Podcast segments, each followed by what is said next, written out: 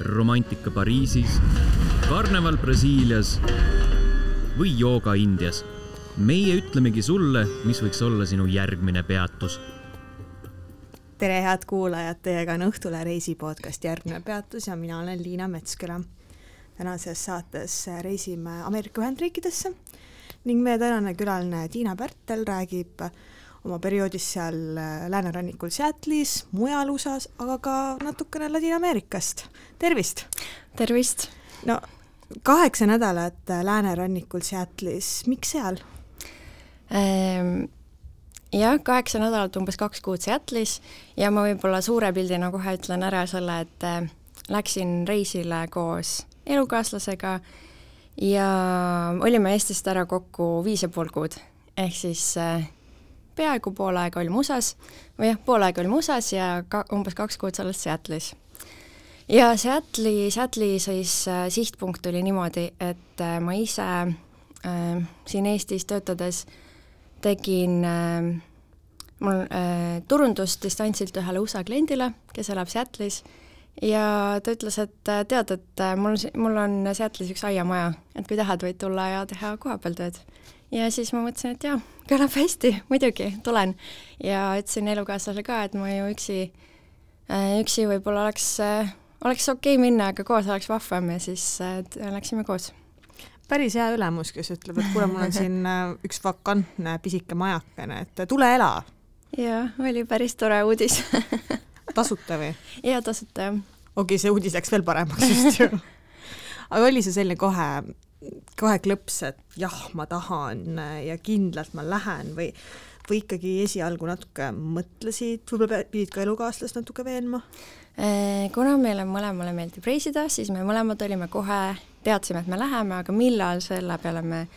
see võttis natuke aega mõtlemist, sest me mõtlesime kohe, et okei okay,, et kui me läheme nii kaugele, äh, mina olen USA-s käinud, elasin ühe aasta New Yorgis umbes viis aastat tagasi ehk siis, ja olen seal natuke ringi reisinud ja ka Seattle'is kaks päeva olnud. Ehk siis mina olin USA-s käinud, aga tema ei olnud üldse. Ja siis mõtlesime, et kui me läheme, siis võiks juba natuke suuremalt ette võtta, et käia ka teistes linnades, vaadata, näidata, et mina saaksin näidata talle, kus ma näiteks New Yorgis elasin. Ja sest ta jääb poole tee peale ju, kui siit Eestist vaadata Seattle'i poole, ja siis seal USA-s ringi reisida. Ja ja tema oli ka väga nõus lihtsalt vaatasimegi, et millal ja, ja seda mõtlesime ka, et kui me juba nii kaugele läheme, siis ei ole mõtet ju kohe tagasi tulla, pikendame siis nii kaua, kui saab. Ja me läksime esimesel septembril, ehk siis siis, kui Eestis hakkas sügis, ja mõtlesimegi, et no külmaks talveks, külmaks pimedaks talveks ei taha tagasi tulla, proovime seda varianti, kus me oleme talve Eestist ära ja siis jõudsimegi veebruari keskel tagasi. Mis tööd sa täpselt äh, USA-le teed ja miks, miks niimoodi selle kliendiga ähm, talle ähm,, tema müüb äh, füüsilisi tooteid, ehk siis naistele, naiste käekotte, mis on tehtud vegan-nahast, mis on tehtud taaskasutatud tekstiilidest, mis on tehtud äh, erinevatest tekstiilitööstuse jääkidest. Ja äh, minu ülesanded olid eelkõige need, mis ma sain distantsilt teha, ehk siis äh, aidata hallata kodulehte, aidata koostada emaile, üles ehitada emaili jadasid siis, äh, ehk siis kui sa saad emaili ja sa klikid, äh, kui on kirjas mainitud, et kuidas kotte hooldada, kuidas, milline uus kollektsioon ja milline on Ehm, selle koti näiteks sünnilugu, siis vastavalt sellele, kuhu sa vajutad, siis sa saad järgmise meili äh, spetsiifilise ja siis selliseid jadasid ehitasin talle üles, kirjutasin valmis ka ja tegin talle maandumislehti ja ja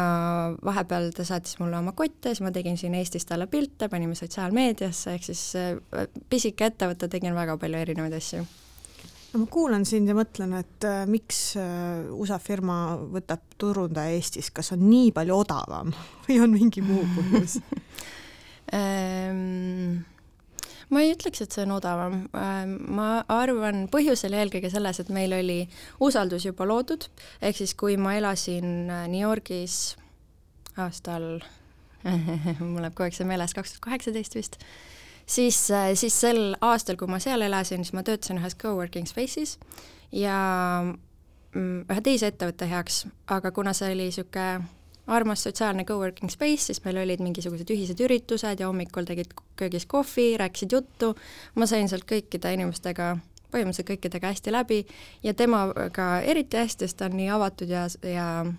soe inimene ja juba siis, kui ta vahepeal sõitis reisile, siis ta küsis, et oi, et äh, Tiina, et kas sa saaksid mind aidata, saata mingisuguseid tellimusi teele, kui ma ära olen või, või näidata mulle, kuidas see ja see asi käib. ja siis ma tegin seda, meil tekkis usaldus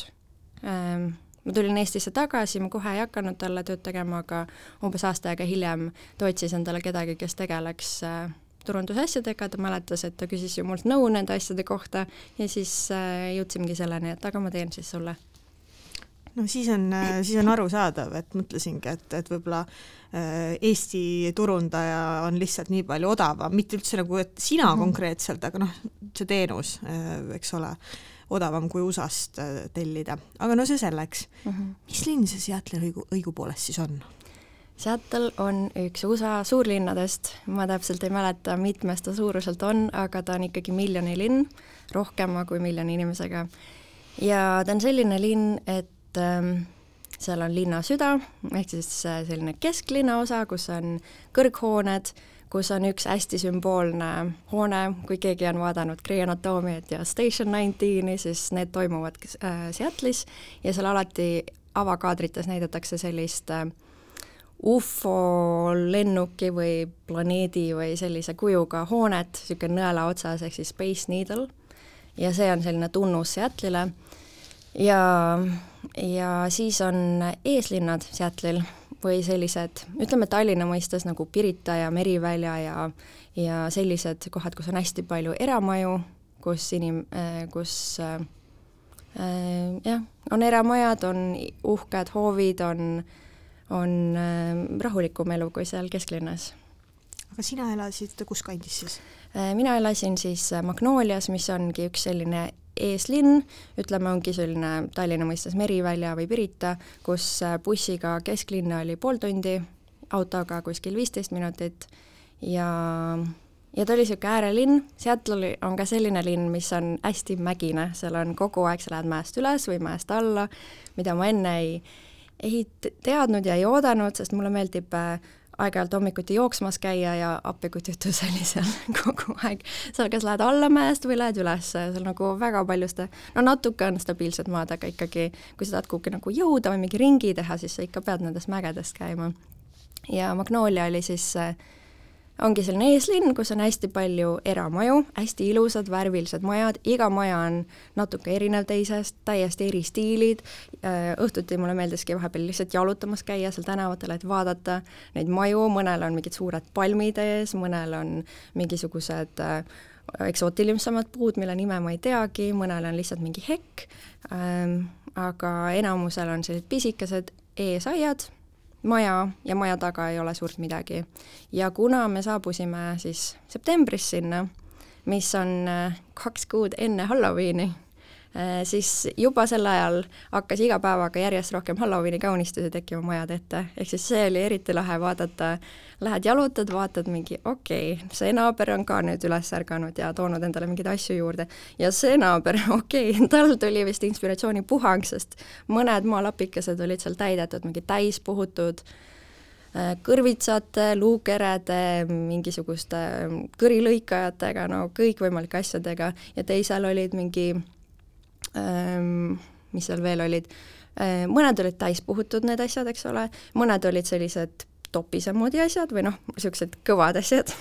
Mõned olid helendavad, mingi valgusshow'd, mõnel olid temaatikaks üldse võetud Stranger Things, täielikult välja ehitatud seal nende peategelaste mingisugused puuonnid ja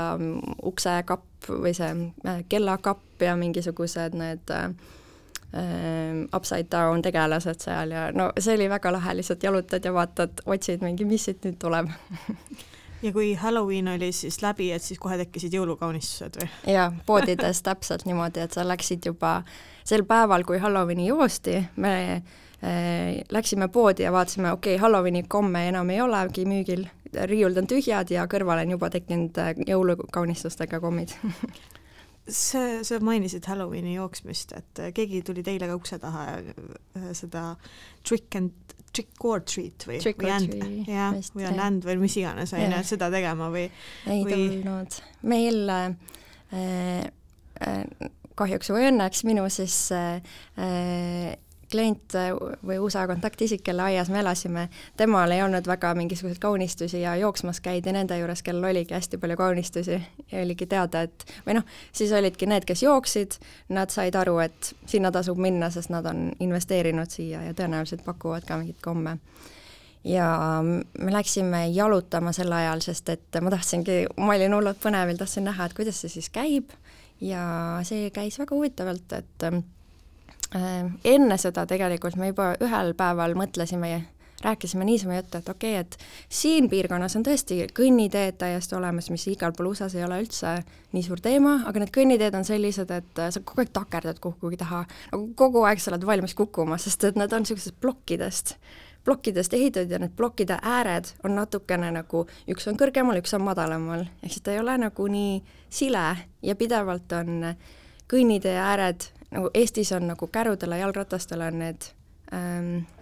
nagu tasandid tehtud, et sa saad minna, aga seal ei olnud üldse. ja siis ükskord me arut-, rääkisime omavahel, et oota, et huvitav, kuidas siin lapsevankriga inimesed hakkama saavad. ja siis mõtlesime, et oot-oot-oot, me ei ole ju kaks kuud siin ühtegi inimest lapsevankriga näinudki, me ei ole ühtegi lastki siin näinud, mis siis, et see on eramajade piirkond ja niisugune tundub hästi turvaline ja tore. ja siis me läksimegi spetsiaalselt vaatama seda trick or treat jooksmist, et näha, kus need USA lapsed on siis aga kus nad olid siis? no nad tulid autodega, toodi kohale sinna tänava otstesse ja siis vanematega käisid koos need uksed läbi ja siis äh, läksid autosse tagasi, sõitsid järgmise tänavanurgani okei okay,, aga ikkagi need lapsevankriga emad, et kas Mhm. äh, kus nemad siis käivad? no vot seda ma kuulsin, kuna is- endal ei ole lapsi ja mul ei ole vankritega väga kogemusi, aga üks mu teine sõbranna, kes abiellus ühe usakaga äh, ja said lapse, läksid USA-sse ja siis ta ütles, et nemad võtsid oma vankri kaasa ja ütles, et kohalikud vaatasid, et issand, kui suur vanker see on, mis Eesti tavamõõdus vanker. ütlesid, et nemad käivad autodega, sõidavad sinna mänguväljakutele ja siis võib-olla mingi pisike vanker korraks, et siis ei olegi mingit suuremat vankrit vaja, kus sa saad hoiustada oma asju ja kõike, et seal on ikkagi pisikesed vankrid ja ega seal väga ei käidagi jalutamas nende vankritega. Ilmselt siis äh, turvahäll on pandud sinna vankriraami peale, et äh, ehk siis äh, sellist asja, et äh, emasid näed jalutamas seal, nemad käivad autoga. mm. -hmm. aga keda näeb, on koerad, igal pool sa näed inimesi koertega jalutamas, vaatad, auto sõidab mööda, kõrval istub koer, lähed äh, sööma kuhugi, keegi tuleb koeraga sisse, koeri näeb igal pool ja see on nagu nii armas tegelikult, nii tore. tuled Eestisse tagasi, vaatad, et kus siin koerad on. aga siin on lapsed. lapsi näed igal nurgal, aga koerad sa mainisid natuke aega tagasi, et mm. -hmm. seal on hästi palju palme. Kui soe mm seal siis on, et on see selline koht, kus talvisel ajal on ka soe, ma mõtlesin, et see on pigem jahedam, ta on ju seal ülevalpool. jaa, tegelikult see palmi asi, et seal ei ole palju palme, lihtsalt oligi, et kui ma käisin ku- või vaatasime neid tänavaid, siis kui mõne maja ees oli palm, siis paistis silma et tegelikult seal ei ole palju palme. temperatuur on seal umbes nagu Eesti, et äh, suvel sarnane soojus, natuke soojem ja talvel natuke vähem külm, aga ikkagi lumi tuleb maha. Ja kui meie seal olime, siis oli natukene erand see, et äh, tavaliselt neil on, läheb sügis ka selliseks jahedaks, aga see sügis, kõik need kaks kuud oli pidevalt ma sain T-särgiga lühikeste pükstega käia, sest neil oli põud seal. Neil, me läksime, oligi niimoodi, et üks nädalavahetus sõitsime ühte koske vaatama, mingi pisike kosk, guugeldasin, et oh, seal on kuskil. Läksime sinna ja vaatame, et okei okay,, siin peaks olema, rada lõpeb ära, aga vett ei ole kuskil ja põud oli, see vesi oli nagu, see oli nii väike juga, et seal oli ära mm, sel hetkel ei olnud vett seal siis kui palju teil üldse õnnestus süübida kohalikku kultuuri ja tutvuda just siis kohalikega mm? -hmm. et millised inimesed seal on? Äh, no kuna mm, kuna me elasime nagu kohalikega koos niivõrd-kuivõrd, meil oli see oma maja, mis tegelikult see pisike maja oli nagu garaaži külge ehitatud selline maja,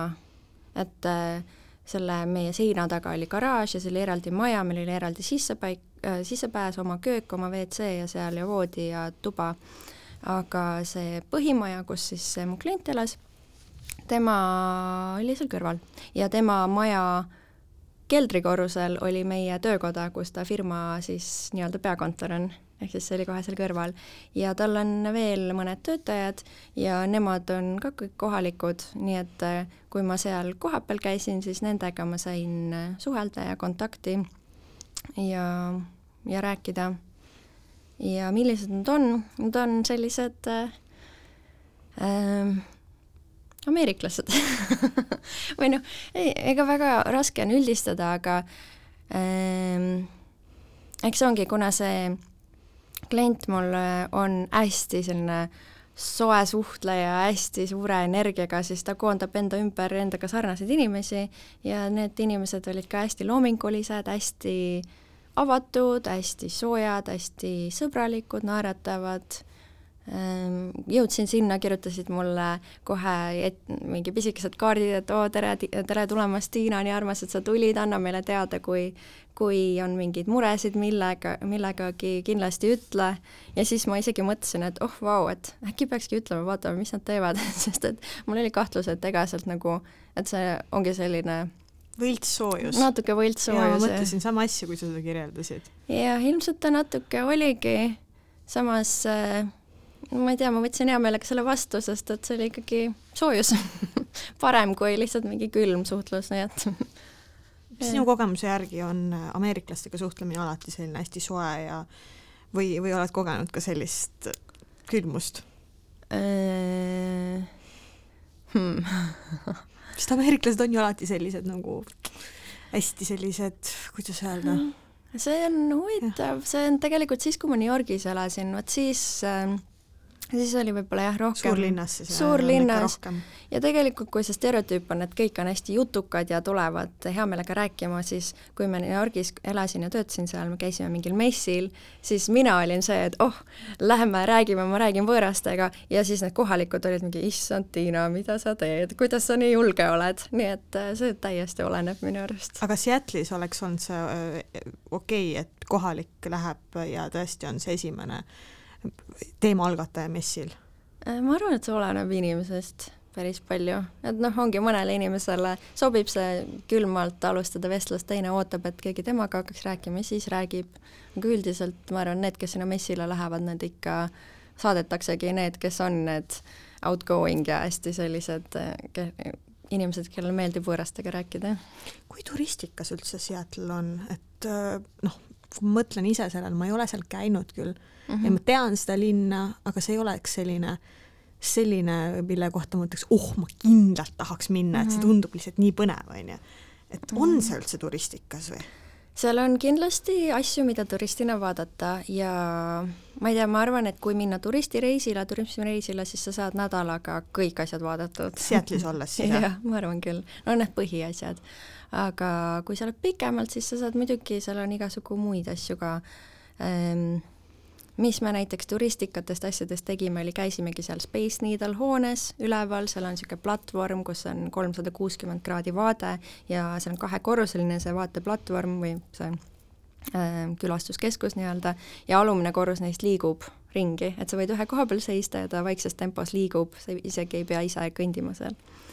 siis seal on äh, praamiga saab sõita, äh, Seattle'i puhul on äh, päris palju, päris lahe on see, et seal on hästi palju niisuguseid waterfront'e, öeldakse inglise keeles, ehk siis veega ümbritsetud kohti, seal on jõgesid ja ja lahtesid või, vist, äh, või selliseid veeäärseid kohti palju, kus sa saad jalutada, veevaadet nautida ja seal on ka praamiliiklus, mm, mis liigub siis Seattle'ist selle kõrval olevale saarele ja natuke edasi kui ma seda hästi kirjeldan. Äh, see praamiga sõitsime, tegime tiiru, see oli tore. siis äh, üks turistikas asi, mida me äh, käisime vaatamas, on see, et Seattle'i linna puhul on üks huvitav asi, et see on ehitatud, pool sellest linnast on tõstetud kõrgemale äh, kunstlikult ja me saime minna ekskursioonile, kus meid viidi põhimõtteliselt tänavate alla, kus on sellised labürindid või sa saad kõndida seal ja seal ei toimu mitte midagi, seal on lihtsalt kas prügi või vahepeal olid mingid rotid või midagi, aga seal tehakse ekskursioone, sest seda kõike on tõstetud ja seda tõsteti ma aasta, aastaarvu ei, väga ei tea, aga mingil hetkel, kus muidu oleksid üleujutused sinna väga palju kahju teinud ja pool linna lihtsalt füüsiliselt mingi, ma ei tea, kümme meetrit tõsteti lihtsalt ülesse poole. see on väga huvitav ühesõnaga, ma saan aru, et äh, turist, kui ta sinna läheb, tal ikka on seal tegemist, et see ei ole selline ainult mm -hmm. mingi väikesena kohalikele ei, seal ikka on tegemist, seal on äh, neid vaatega kohti, seal on erinevaid parke, mis on toredad, seal on niisuguse kunstilisem linnak, kus on isegi Lenini kuju, mida me käisime vaatamas, et mis see seal teeb, seal oli oma aga mis ta teeb seal siis? seal oli oma seletus, et keegi, see on kellegi eraaias see ja see, kelle oma see on, ta käis kuskil kas Slovakkias või Sloveenias ja talle hakkas see kuju meeldima, ta ostis selle ära, ta maksis äh, kuju transpordi eest rohkem kui kuju enda eest, ta pani selle oma aeda, mis juhuslikult on selle piirkonna siis äh, üks keskpunkte ja kus ei ole nagu aeda ees, nii et see tundub nagu see oleks avatud ruum, aga see on eramaa, politsei ega keegi ei saa midagi sellega teha, sest et see on, inimesel on era, eraaias erakuju ja umbes selline lugu seal on lihtsalt. okei okay., väga-väga veider mm. -hmm. ja Seattle'i puhul on võib-olla see ka, et, et äh, seal on hästi suur äh, Google'i äh, kompleks või mitte Google'i, Google on ka seal, seal on nii Google kui Microsoft on põhiline tööandja seal, ehk siis seal on hästi-hästi suur kompleks, kui on Microsofti huvi, saab sinna külastuskeskusesse minna, kus me ka käisime saad väikese ülevaate tuurist ja nad just ehitavad seda veel, ma ei tea, kolm korda suuremaks, kui see praegu on, nii et varsti ilmselt tuleb külastuskeskus ka suurem. no enne me oleme me oleme mitu korda juba maininud, et sa oled New Yorgis mm -hmm. olnud aasta. kuivõrd on erinevad need kaks kogemust sinu jaoks? et üks on äh, New York siis idarannikul, Seattle läänerannikul, et kui erinevad nad on ja kas nad on üldse erinevad mm? -hmm. Ähm Nad olid erinevad se-, selle poolest, kuidas ma seal olin, ütleme esiteks, et New Yorgis ma elasin üksi ja ma ise käisin hästi palju üritustel, et saada luua tutvusi kohalikega ja hästi palju sellistel sotsiaalsetel üritustel, siis Seattle'isse ma läksin koos oma elukaaslasega ja ma ei tundnud, et mul oleks energiat või tahtmist nagu veel minna sotsiaalsetele üritustele kogu aeg, kui ma saan nagunii rääkida siin ju ja, ja koos on nagunii toredam lihtsalt rattaga sõita mingi kõrvalpargis või vaadata, jalutada ja nii. nii et meil oli nagu rahulikum elutempo, mis ma arvan, ongi Seattle'ile rohkem äh, iseloomulik, rahulikum elutempo, mis oli hästi tore, on see, et äh, Seattle'i linnast kuskil pool tundi autoga sõites sa oled kuskil looduses. natuke nagu Eesti, aga samas loodus on natuke teistsugune. Ehk siis sa võid jõuda ka matkaradadele, me käisime matkamas mägedes, need olid väga-väga ilusad. Ehk siis kui seal pikemalt olla, siis see on väga-väga mõnus pluss. Ja me tegime ka ühe nädalavahetuse reisi Olympic National Parki, mis on umbes neli tundi autoga siis loode poole, kus on siis kõige, käisime ka kõi-, USA kõige loodepoolsemas tipus, maismaad arvestades, mitte siis Alaska välja jätta. ja seal on suur rahvuspark, kus on hästi suured mäed ja kõrged mäed ja saab matkata, et see on väga lahe ja see on erinev, ehk siis, et Seattle'is on palju elavad inimesed, kellele meeldib käia matkamas ja linnast väljas ja looduses. ja New Yorgis on rohkem need, kellele meeldib äh, oma aega veeta linna sees, suheldes ja, ja individualistlikumalt siis või? Seattle'is on rohkem peresid, minu arust on perekeskem rohkem. et kui, kui meil on ida- ja läänerannik uh, -huh. siis see ongi see põhiline erinevus sinu hinnangul või sa praegust võrdlesid pigem New York versus Seattle mm,? praegu võrdlesin rohkem New York ja Seattle, aga ma arvan, et on see üldse erinev, äkki see on lihtsalt mingi minu peas mõtlen, et noh, et idarannik ja läänerannik ja noh no ta ikka, seal on erinevusi, aga ongi, ma ütlekski, et New York on nii suur linn, et suurlinnas sul su enamus su elu keerleb selle linna, linnakeskuse ümber või linna keskel käimise ja Seattle'is sul keerleb rohkem elu kas oma kodu ümber või siis linnast väljamineku ümber, et seda ma kahjuks äh, võib-olla peaks ka lisama, et näiteks kui ma käisin Seattle'is siis viis aastat tagasi kaks päeva ja kui ma käisin nüüd Seattle'is peale koroonat, siis äh, see, mis seal kesklinnas toimus, oli minu arust päris, päris suur erinevus, sellepärast et äh, enne ma mäletasin niisugune noh, ilus, puhas, tore on ju, kodutuid on USA-s igal pool nagunii olnud, aga seekord oli neid no eriti palju Seattle'is, sa lihtsalt lähed tänavatele ja sa näed igal tänaval vähem, vähemalt kod-, mõnda kodutut inimest ja ja see oli kuidagi hästi ebamugav seekord, et nad iga ma ei tea, kolmas-neljas neist tahab sul ka midagi rääkida või raha küsida või midagi ja see on lihtsalt, me ei tahtnudki käia seal linna keskel, sest et see oli nii ebamugav kogemus lihtsalt. tead sa ka, miks neid äh, nii palju on tekkinud sinna Seattle'isse viimasel ajal või viimastel aastatel? no mul ongi minu arusaam või arvamus on see, et ongi, nad on jäänud kas tööst ilma või on hästi palju neid äh, vaimsete häiretega inimesi ja kuna USA tervisesüsteem, sa pead nii palju maksma, et mingisugust arstiabi saada, siis kui nad isegi füüsiliste hädadega ei pöördu haiglasse rahasumma pärast, siis vaimsete probleemidega no sa ei lähe lihtsalt, enamus ei lähe nagu abi otsima. Ja kui nad ei otsi abi ja ei suuda tööd teha, sest neil on midagi on häiritud või midagi on, midagi häirib neid, siis nad jäävad tööst ilma ja nad ei saa raha, et veel enam abi otsida, nad jäävad kodust ilma ja niimoodi see ahel nagu lumepall läheb veerema ja raske on nagu sealt välja saada. kumba sa muidu ise eelistad, äh, ida- või läänerannikul elamist mm.? ja miks Äh, hea küsimus, me arutasime seda elukaaslasega ka, kus tahaks olla, ma arvan, et see on hästi, noh, see ongi see, mis, mis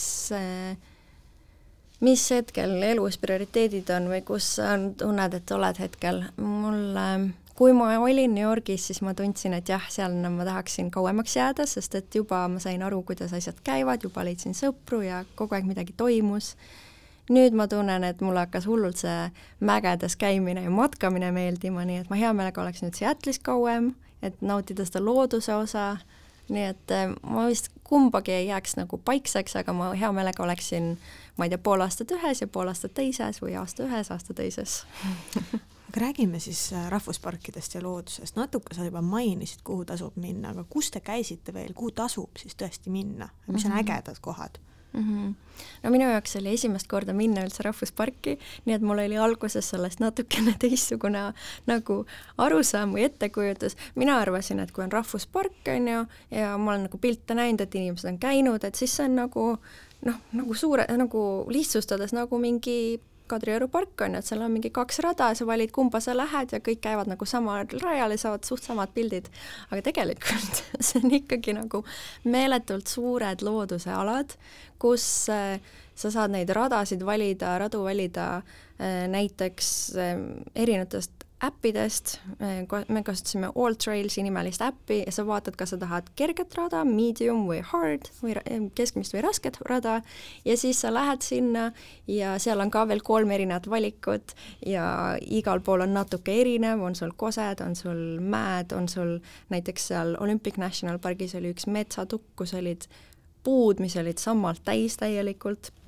Ehk siis hästi erinevad. Ja kus me siis käisime, oligi see Olympic National Park käisime seal, olime vist kolm ööd ja käisime neli või viis erinevat rada läbi, erinevat matka tegime seal, siis käisime, lendasime Seattle'ist Las Vegasesse, kust me rentisime auto ja sõitsime Grand Canyonisse, Grand Canyoni National Parki, avastasime, et Grand Canyonil, kuna kanjonid on nagu mitte siis mäed on ülespoole, aga kanjonid on allapoole nagu äh, orud nii-öelda või igal juhul me avastasime, et Grand Canyonil on kaks külge, on, on North Rim, Nord, põhja pool ja on lõuna pool. Ja siis me käisime seal mõlemal pool, põhja pool äh, äh või oota, south, lõuna pool oli, oli selline äär, kus lihtsalt oli asfalteeritud ja hästi palju turiste, kõik käisid, said rahulikult käia, teha üliilusaid pilte, põhja pool läksime, matkasime sinna sisse, nagu täitsa alla, seal väga palju inimesi ei näinud, oli veel võimsam kogemus siis sõitsime autoga umbes neli tundi vist, võib-olla nat-, mõned tunnid rohkem, Sion National Parki, mis oli pilt ilus koht, mida väga soovitan. meile soovitati rada nimega Angels Landing ja me läksime sinna ja saime aru, et see on nagu see raskete raske rada, mis ja kõige kuulsam ja kõige raskem, algas niimoodi, et Sinka-Vonka mäe otsa asfalteeritud rada tundus, et okei okay,, mis raske see, see, see veel on väga kerge. Või noh, hingeldama võttis, sest kogu aeg üles mäge, aga et tee on ju kerge. Ja siis tuli rada, kust sa pead noh, mööda kaljunukke üles minema ja sul on selline metall äh, kett, millest sa saad kinni hoida õnneks, aga sa ikkagi igal sammul sa näed mõlemal küljel seda, et kui sa mööda astud, siis sa kukud end surnuks kui seal ei ole väga palju eksimisruumi. ja siis, ja see kestis äh, no tund aega räägid mööda selliseid asju. nii et see oli niisugune ekstreemsem ja kui me tippu jõudsime, siis see oli nagu väga, väga, väga niisugune äh, tehtud tunne või selline hea saavuta-, saavutatud saavutamistunne ja väga head emotsioonid pärast tuli sama teed mööda tagasi ka minna või oli mingisugune lihtsam tee tagasi? pärast tuli sama teed ja kusjuures alla tulles läks palju kiiremini, sest sa oled juba nii harjunud selle vaatega või kuidagi selle tundega, et võid surma ja. saada no, no ka sellega jah, selle avara vaatega, ütleme siis nii ja see oli siis üks park ja siis me käisime äh, San Franciscos käisime ka ja me käisime laevaga sealt Alcatrazi vanglas ja äh, Alcatrazi vangla asub äh, Alcatrazi National Pargi piirkonnas, ehk siis see ei ole tüüpiline niisugune loodus national park, aga seda lihtsalt nimetatakse või arvestatakse eraldi rahvuspargina, nii et siis ma loetan selle ka. on need rahvusparkide külastus, külastused sellised ühe päeva ettevõtmised või või need on ikkagi niimoodi, kui juba lähed, siis lähed pikemaks ajaks, ma ei tea, kas telgid, võib-olla seal on mingisugused mm -hmm. majutusasutused kuskil keskel äh,? oleneb rahvuspargist, aga enamuse puhul on on mitmed, kõik variandid olemas, et sa võid, kui sa sealt äpist valid lihtsa raja, siis sa võid äh, sõita kohale parklasse ja jalutada, kõige lihtsamad on võib-olla pool tundi lihtsalt jalutamist, sul pole isegi matkapükse vaja, saad teksadega jalutatud või tund aega. Äh, aga kui sa võtad meediumi, siis sul on juba, oleks hea, kui sul oleks ikkagi mingid jalanõud juba. Ja kui sa võtad hardi, siis kindlasti spordipüksid, spordiriided ja mingid äh, veepudel kaasa ja, ja ja niimoodi, aga samas kõikidel ongi sellepärast on seda äppi hea vaadata, et sul on kõikidel variantidel on eri pikkustega radu ja igas pargis on, ma ei tea, sada rada või sada tees neid radu. ehk siis sa võid ise kombineerida, ka kui pikaks sa lähed, sa võid ka minna mitmeks päevaks, näiteks seal Grand Canyonis sa võid niimoodi teha, et sa lähed sealt South Rimist lõuna poolt alla ja tuled põhja matkad läbi selle ja põhja poolt tuled ülesse ja see on mitu päeva, siis telgid seal. aga telkimisega üldiselt on need märgitud kohad ja tasud, pead maksma, et sa oled seal.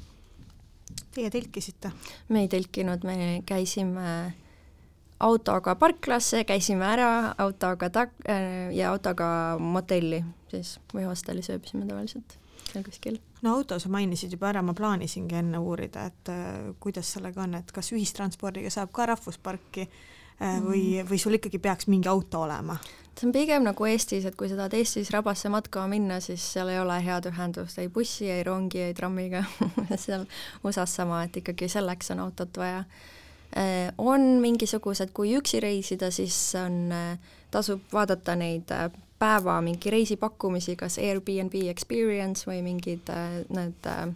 mis äpid veel on või leheküljed, kus pakutakse neid päevasid väljasõite, näiteks Las Vegasest saab Sioni või Sioni rahvusparki äh, grupiga minna, et sa ostad mingi pääsme ja siis äh, mingi minibussiga viiakse teie grupp sinna, matkate kõik, kus te tahate ja korjatakse õhtul peale ja viiakse tagasi, minu arust seal oli selline variant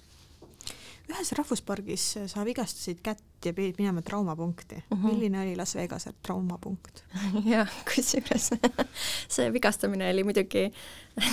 seal, kus see kõige raskemate raskem rada oli äh, naljakal kombel, aga see oli natukene õnnetu vigastamine, sest ma lihtsalt, ma libisesin ja kukkusin istuuli ühe täiesti, täiesti turvalise koha peal, ütleme siis nii. Aga mul kuidagi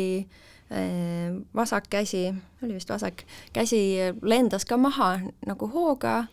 tõusin püsti, oli natuke valus, aga tundus kõik okei okay,, läksin alla, kõik oli hästi. Ja siis, kui me autoga hakkasime sealt äh, Las Vegasesse õhtul sõitma, kus me siis ööbisime, siis tundsin, et äh, käsi läheb järjest valusamaks ja põial läheb valusamaks. Ja ma ei saa hästi seda põialt painutada enam ja kogu käsi on lihtsalt kuum ja ja valus ja raske on seda liigutada. ja siis mõtlesime, et okei okay,, et mul on reisikindlustus tehtud, kui mul Eestis midagi juhtuks, ma läheks ju igaks juhuks traumapunktist läbi, teeks selle röntgenipildi või midagi ja saaks kindlustunde. teeme siin ka. siis läksimegi Las Vegasesse, panime asjad hotelli ära ja siis läksime, guugeldasin seal traumapunkte vaatasin Las Vegase parim trauma haigla, läksime sinna,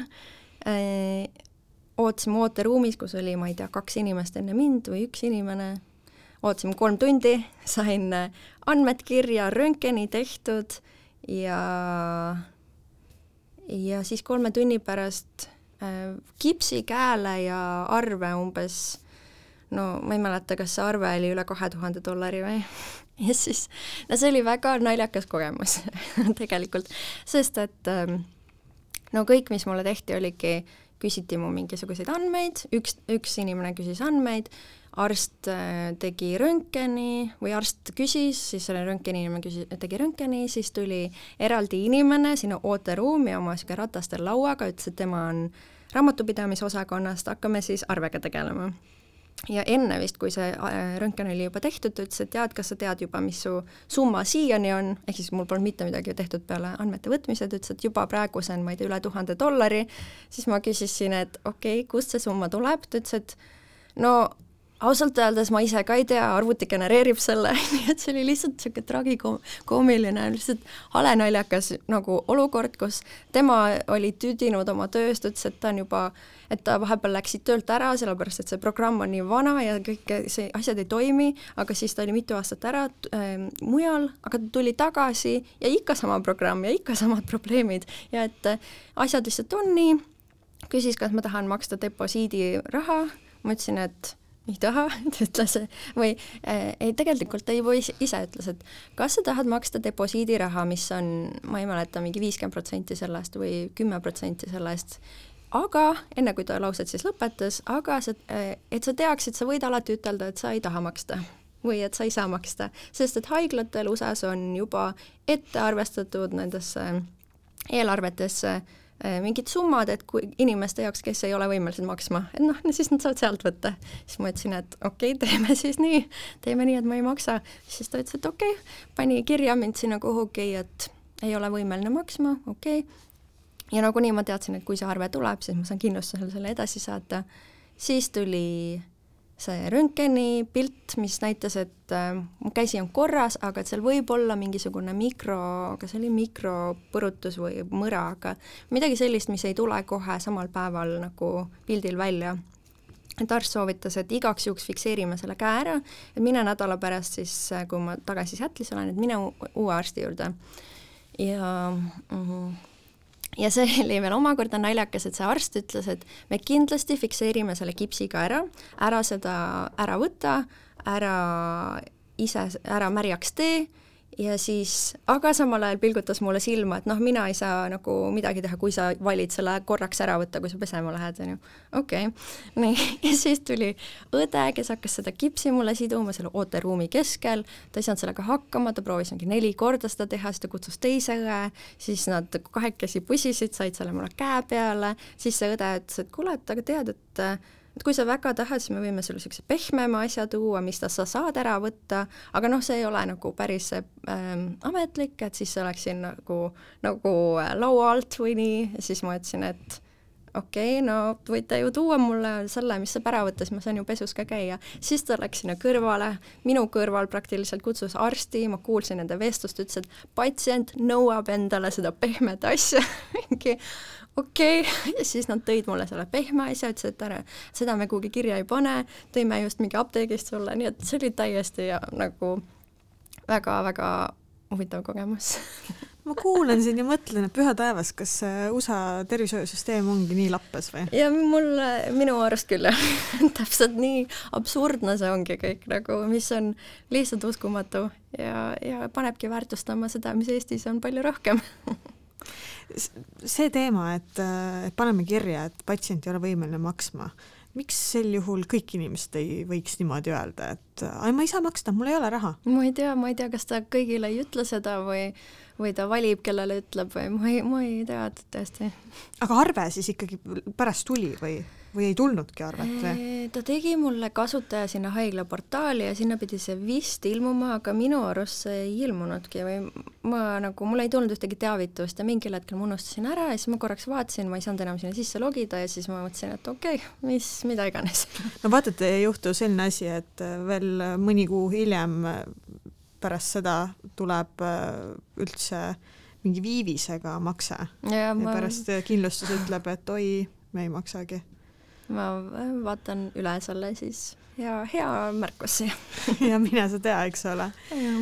Äh, aga sa siin niimoodi nädal aega hiljem, nagu ta soovitas äh, seal Seattle'is arsti juurde, enam ei hakanud minema või? Äh, käisin küll, käisin, sest tegelikult mul juba järgmisel päeval ma tundsin, et ta pani selle kipsi liiga tugevalt või selle sideme sõrmedele, et mu sõrmi ei saanud enam hästi liigutada, et mul nagu veri hakkas ära kaduma, nii et ma ise pusisin seda lahti ja siis ma läksin nädal aega hiljem Seattle'is, vaatasin Google'ist re review'de järgi mingi Seattle'i parim käekirurg või mitte kirurg, vaid ortopeed, käeortopeed. Läksin sinna, sain aja Äh, käisin kohal, seal vist maksin visiiditasu, mis kindlustus mulle tagasi maksis kuskil kakssada dollarit vist. ja siis äh, seal oli üks hästi niisugune noorem, hästi asjalik mees, kes vaatas üle, tegi uue pildi, ütles, et et ei, kõik on hästi, võtame kipsi ära, et sul ei ole vaja seda fikseerida ilma asjata, et ja tema ütles, et jah, et haiglates ongi nii, et arstid tihti diagnoosivad üle, parandavad üle, sest et nad kardavad, et patsiendid kaebavad neid kohtusse, kui midagi valesti läheb või jääb ravimata. ehk siis see jälle see teine nagu absurdsuse pool, et seal on nii palju neid kohtusse kaebamisi, et arstidel on suur pinge mitte eksida, nii et nad teevad nagu eriti ettevaatlikult mingeid asju ja siis patsiendid, nagu mina tundsin, et nagu mu sõrmed juba pandi kinni, on ju, et see juba tegi mulle nagu ähm, liiga natuke. ja, ja see omakorda, noh, see arst oli hästi tore, siis tema tegi röntgeni, ütles ka, et ah, et te olete siit Eestist, ma tean küll, kus see on, tead, ärme seda röntgeni hinda arvele pane, ma teen sulle kingituse. Ja noh, isegi seal oli nagu okei okay, teeme siis nii ühesõnaga väga palju äh, põnevaid seiklusi arstisüsteemiga seoses. Äh, aga äh, podcasti algul me ju, ma ju viskasin õhku, et räägime natukene ka Ladina-Ameerikast mm. -hmm. ja tegelikult te käisite päris mitmetes riikides, mis riigid need siis olidki nüüd mm? -hmm. peale USA-t me käisime kõigepealt Mehhikos, siis Guatemalas, siis Honduras'es, siis El Salvadoris ja siis Tšiilis no minu jaoks äh, on äh, kõige põnevam neist Honduras, sest see on ainus, kus ma ei ole käinud mm. -hmm. ja tegelikult äh, ka nendest riikides ma ütleks kõige ohtlikum. miks te sinna läksite üldse, miks te otsustasite Hondurasesse minna? see on omakorda huvitav lugu, et kui alguses rääkisime natuke ööbimistest, et Seattle'is me ööbimise eest ei maksnud, siis me, oligi soov, et mitte liiga palju rahaliselt end lukku tõmmata selle reisiga, siis me otsisime erinevaid võimalusi. USA-s üks äh, mu kolleeg seal soovitas, et on olemas selline leht nagu Trusted House Sitters, kus äh, äh, sa saad minna, mis siis lehekülg ühendab äh, inimesi, kes reisivad ja reisivad inimesed, kes armastavad loomi ja loomaomanikud, kes tahavad minna reisile, aga koera või kassi ei ole kuhugi jätta. ehk siis äh, Äh, sa saad minna nende koju, elada seal, kui neid ei ole, kui sa hoolitsed nende loomade eest. seda me kasutasime USA-s neli korda, hoidsime koeri ja kasse ja siis teine äh, lehekülg, mida ma siitsamast podcast'ist olen kuulnud, on Workaway, kus sa saad vabatahtlikuna projekte leida siis üle maailma.